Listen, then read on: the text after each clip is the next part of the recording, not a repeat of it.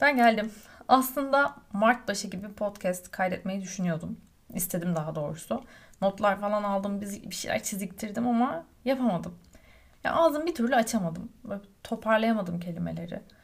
Tanımadığım binlerce insanın böyle insan hataları yüzünden bu dünyadan gidişi üzerine konuşamadım açıkçası. Hazmedemedim. Utandım da aslında biraz. Haftalar sonra beni toparlayan ve aslında bir şeylere tutulmamı sağlayan önümüzdeki seçim oldu ne yalan söyleyeyim. Çünkü görevini yapmayan, insanları ölüme, bizleri uçuruma sürükleyen yetkilileri böyle tam kadro değiştirme fırsatımız, seçme ve seçilme hakkımız ve demokrasimiz. Evet hala kırıntıları var bence. Olduğundan bu beni biraz ayağa kaldırdı diyebilirim. Söylemek istediğim çok şey var bu arada.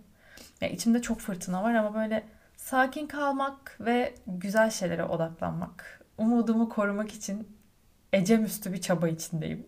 Ecem üstünü şu an uydurdum. Hani insan üstü denir ya. Bu da benim elimden normalde gelecek olanın çok çok fazlası gibi aslında. Hani salmıyorum kendimi böyle bırakmıyorum. Böyle sırtıma sanki sopayı böyle bağlamışım. Dimdik hala devam ediyorum. Geçenlerde televizyonda şöyle bir cümle geçti gençlerin yüzde sekseni, seksen küsürü ülkeden umutsuz diye. Umutsuz muyuz sahi ya? Umutsuz musunuz? Ben değilim. Çok şey oldu bu ama iddialı oldu. Yani elimde en azından bir umut etme hakkım varsa mesela şu an bu karar bana aitse değilim mi Allah? En azından şu an için umutluyum. Henüz. Umut içindeyim. Bu yıl aslında ilk kez oy kullanacak gençlikten umutluyum ne bileyim daha fazla taraflı haber yapmamak için istifa eden gazetecilerden umutluyum. Mesela izin kullanarak deprem bölgesine giden madencilerimiz vardı. Kendi şeylerinden, tatil haklarından. Onlar için bir sürü gönüllü vardı yine aynı şekilde. Bu deprem süreci çok hassas bir süreç çünkü hepimiz için. Bileyim görevini sonuna kadar mesela vatandaşın çıkarı için kullanan memurlardan, adalet yerini bulsun diye uğraşan genç hukukçulardan, Gecesini gündüzüne katan doktorlardan yine gönüllü gidenler. Hepsinden çok umutluyum ya. Umudunuzu bence elinizden almalarına izin vermeyin. Benim çok etkilendiğim bir şey vardır, sahne vardır. Açlık Oyunları serisinin hangi filmiydi hatırlamıyorum. Ama onlardan birinde e, düşün hala hatırlıyorum. Umut diyordu. İşte kötü adam diyeyim. Umut nedir? Karşısında böyle boş gözlerle bakan kişi yanıt vermeyince de şöyle cevap veriyordu. Umut korkudan daha güçlü olan tek şeydir. Bu sahne benim izlediğim an direkt kafama kazındı. Sinemada izlemiştim. Ve film biter bitmez zaten sonuna kadar sadece o sahnede bir takılı kaldım ben. Hemen çıkışta not aldım. Şey telefona yazmıştım notlar kısmına. Böyle hani kendime hatırlatayım diye. Geçenlerde girip baktım 10 sene geçmiş üstünden biliyor musunuz? 10 yıl önceymiş bu bahsettiğim ama sanki 2 yıl gibi. YouTube'a bu arada açlık oyunları umut yazsanız çıkar muhtemelen. Zaten hatırlarsınız filmi izlediyseniz. İşte yani umut diyordum. Umudumuzu elinizden almalarına izin vermeyin. Ya umudumuzu daha doğrusu elimizden almalarına izin vermeyin. Böyle her şeyin daha iyi olacağına, daha iyi gideceğine dair umut etmeye devam etmek zorundayız. Biraz biliyorum Pollyanna geliyor. Ama elimizden somut anlamda da her şey yapmaya devam edeceğiz. Mesela benim ilkokul eğitimime başladığım günden beri öğrendiğim sınav kağıtlarında sorulara falan cevap olarak yazdığım çok iyi hatırlarsınız. Yani şey işte Türkiye tarım ülkesidir de mesela hep. İşte çevresi etraf denizlerle çevrilidir. İşte boğazlar şöyle önemlidir. Diğeri de neydi? Bizim ülkemiz çok şanslı. En azından bana bu öğretildi. Çünkü çok genç bir nüfusu var. İşte Türkiye neden e, şeydir, şanslıdır, avantajdır? Çünkü Türkiye'nin çok genç bir nüfusu var. Evet, Türkiye'de gençler çoğunlukta. Biz çok genç bir ülkeyiz yani. Şu an her ne kadar zorlanıyor olabilir, zorlanıyorsak gençler olarak. Ama bizi yine aslında kurtaracak olanlar biziz. Gençlerimiz, gençliğimiz, genç düşüncelerimiz. O yüzden senden ricam umudunu bıraktığın yerden geri al. Çünkü her şeyi değiştireceğiz. Değiştirmek zorundayız.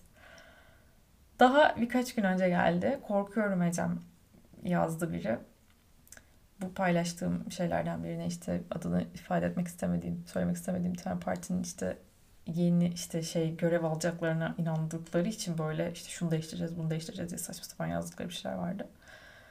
Ee, onun üstüne işte hani ben korkuyorum diye korkmayın. Şu an korkmayın. Şu an şu an o zaman değil. O korkuyu umutla değiştirin. Biliyorum kolay değil. Ama inanın daha iyi oluyor. Daha farklı oluyor. Çünkü umutla değiştirebiliriz bir şeyleri. Korkuyla değil. Bu aklımdan geçtiğimiz deprem sürecinde hep şu cümle geçti. Yani insanların gönüllü çabalarını gördükçe özellikle. Biz bu güzel topraklarda dedim böyle yaşamayı hak etmiyoruz ya. Biz böyle yaşamayı hak etmiyoruz yani. Hani bu bu adalet sisteminde, bu ekonomik düzende içim parçalanıyor yani insanların işte soğan, işte muz böyle şeyler hani gıda anladınız mı? Gıda hani her şey bir kenara. Özellikle artık gözlerimizi kulaklarımızı kapatmak yerine o yüzden bir açalım. Böyle bir de siyaseti şimdi sırası mı falan diyenler oluyor. Yani ne zaman sırası sizce ya? Hani depremde onca canımızın gidişinin sebebi o izin kağıtlarının altında imzalarken imzalayanlardan kaynaklıyken yani bu durum. Hesabını kime keseceğiz? Hani keseceğimiz herkes belli çünkü. Niye susuyoruz? Benim hakkımı arayın diyerek İzmir depreminde tweet atan Şeyma'nın hakkını neden aramayalım? Biliyorsunuz değil mi onu? İzmir depremi olduğunda bir gün aynı şekilde ben de hayatımı kaybedersem hakkımı arayın yazmıştı avukatta hatırladığım kadarıyla. Allah rahmet eylesin. Ya biz bu ülkede gerçekten ölmeyi değil güzelce yaşamayı hak ediyoruz. Farkındayım. Böyle biraz umutsuzluk havası da var önümüzdeki seçim için. İşte. Ben hala değiştirebileceğim şeyler olduğuna inanıyorum ya. Sonuna kadar inanıyorum. Bu yüzden üzerime de ne düşüyorsa yap, yapıyorum, yapmaya çalışıyorum. Daha doğrusu bu şekilde motiveydim. Ve e, oy ve ötesine kayıt oldum. Gönüllü oldum, görevlendirildim. E, bulunduğum yer için böyle çalışmalar yapıyorum. Siz de aynı şekilde başvurabilirsiniz. E, zaten bir formu var. Oy ve ötesi, oy ve ötesi yazdığınızda çıkan formda bulunduğunuz bölgede e, şey yapıp başvurup görev alabilirsiniz. Eğer fazlaysa tabii e, farklı bölgelere yönlendirilebilirler. Belli semtler çünkü daha kalabalık oluyor. Oy ötesi bu arada tarafsız. E, yıllarca seçimlerde böyle her şey usulüne uygun yapılsın diye gönüllülerle işte sandıklarda, okullarda falan çalışıyorlar. Yani sırf her şey usulüne uygun yapılsın diye dediğim gibi. Ve e, ne söylüyorlar biliyor musunuz? Dileriz bir sonraki seçimde bize gerek olmayan bir ortam hazırlanmış olur diyorlar. Çok etkilendim yani aklımda hep dönüyor bu. Arada toplantılar yapıyoruz falan. Ah, binlerce insan size bir şey yapayım özet geçeyim. E, oy ötesinde. Gönüllü binlerce insan. Başka bu arada şeyler de var. İşte yine aynı şekilde e, görev alan gönüllüler de var farklı yerlerde. Ben bunun içinde olduğum için buna daha hakimim şu an. Ha, ne diyordum? Binlerce insan işinden, evinden, bebeğinden, çocuğundan vakit ayırıp memleket için uğraşıyor biliyor musunuz? Evet yani çok yoğun çalışanlar var. Yeni doğmuş bebeği olanlar var. Ama daha önce görev aldığı için yine bırakmak istemiyor ya da katkısı olur diyerekten aktif olarak bir şeyler yapmaya çalışıyor. Ve bu insanların yanında bir yanda böyle ekmeğine biraz daha yağ sürmek için böyle lüks çantalarıyla evine meyve alamayan seçmenleri gezip o isteyenler var. İşte Türkiye'de siyaset aslında. Bunları değiştireceğiz. Ben bunların değişmesini istiyorum çünkü. Önce yönetim şekli değişecek. Şu an çünkü bence en büyük problem ne dersek bana kalırsa yönetim şekli. Bilmiyorum ne düşünüyorsunuz. Yönetim şekli değişecek ki herkes birbirini kontrol etsin. Hani bir kişinin gücü herkesin üzerinde olmasın değil mi? Herkes birbirine rapor versin. Bu aslında her sistemde böyle.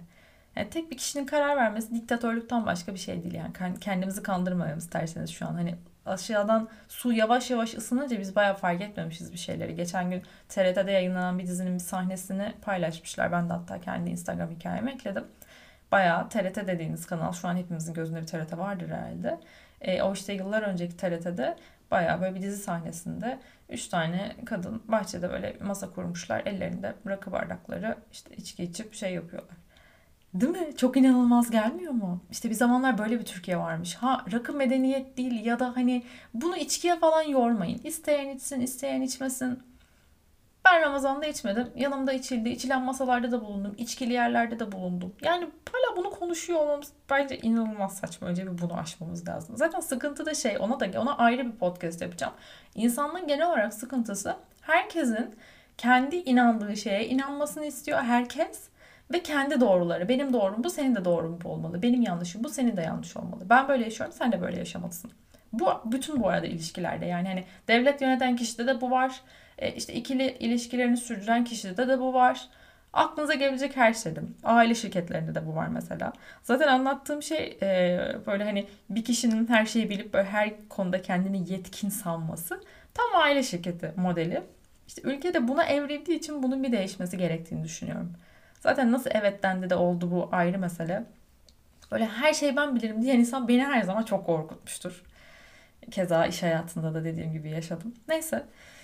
Ne diyordum? Yönetim şeklinden diyordum. Yönetim şeklinden sonra da e, böyle herkes yaptığı işi her neyse önem vererek yapacak bence. Yapmalı yani. Hani böyle böyle kalkacağız. İşte inşaat mühendisinden belediye çalışanına, öğretmenlerden bankacıya kadar. Bunu aslında yani belki göreceksiniz ama influencerlar bile dahil yani.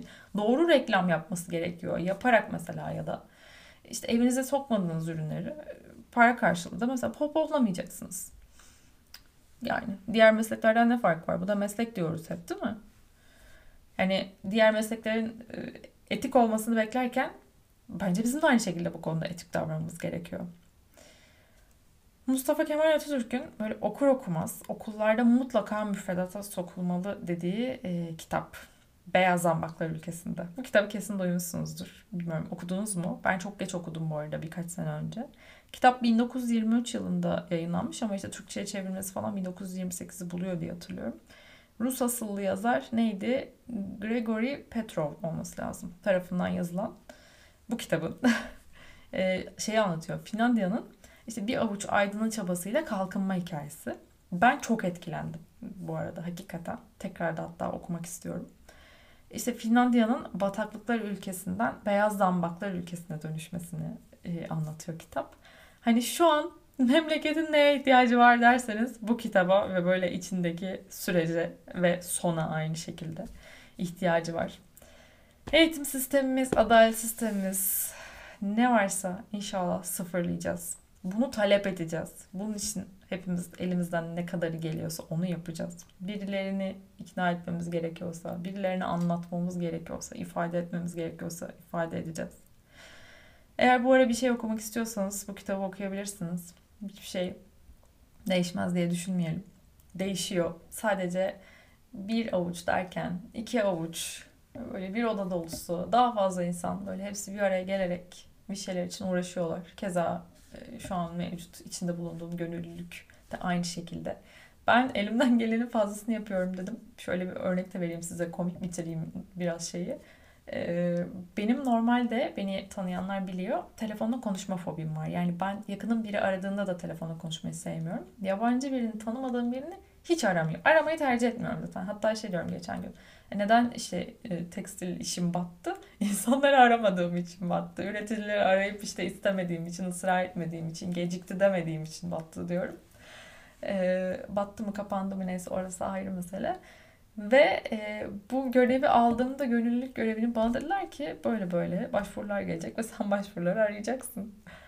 Ama o an zaten başvurmuştum. Kabul etmiştim görevi falan. Tamam dedim. Sonra kendi kendime geldim ki ben nasıl arayacağım ya? Aa şaka mı dedim. Benim en korktuğum şey karşıma çıktı yani. Demek ki ben ne yapabilirim şu an?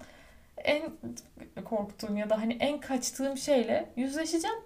Yani benim elimden gelen buysa şu süreçte seçim için, ülke için o zaman ben de bunu yapıyorum diye böyle. Hatta terapide söyleyince bayağı güldük. Çünkü en başından beri konuştuğumuz bir şeydi. Telefonla konuşamıyorum, arayamıyorum, işte yabancılarla konuşamıyorum diye böyle. Bu da farklı bir şeydir muhtemelen. Böyle e, valla çok özledim öncelikle sizi konuşmayı hani karşılıklı konuşuyormuşuz gibi hissediyorum zaten ben burada. Umarım daha sık görüşeceğiz. İçimde böyle bir sürü şey biriktirdim. Çok daha güzel konulardan da konuşacağımızı, bahsedeceğimizi düşünüyorum. Ama birkaç daha karanlık böyle birkaç tane daha podcast gelebilir. Çünkü her ne kadar dik durmaya çalışıyorum desem de yani benim için de inanın her şey mükemmel değil. Şu an her ne kadar gülümsüyor olsam da dediğim gibi dik durmaya çalışıyor olsam da hepimizin hayatında farklı zorluklar var. Ama her şeyin değişeceğine, her şeyin daha iyi gideceğine inanmak gibi de bir e, fırsat var elimizde. Yani ne demişlerdi? Covid'e karşı elimizde çok büyük bir koz var. Yakalanmamak. Yeni podcastlerde görüşmek üzere. Hoşçakalın. Daha fazla geyiğe vurmadan görüşürüz.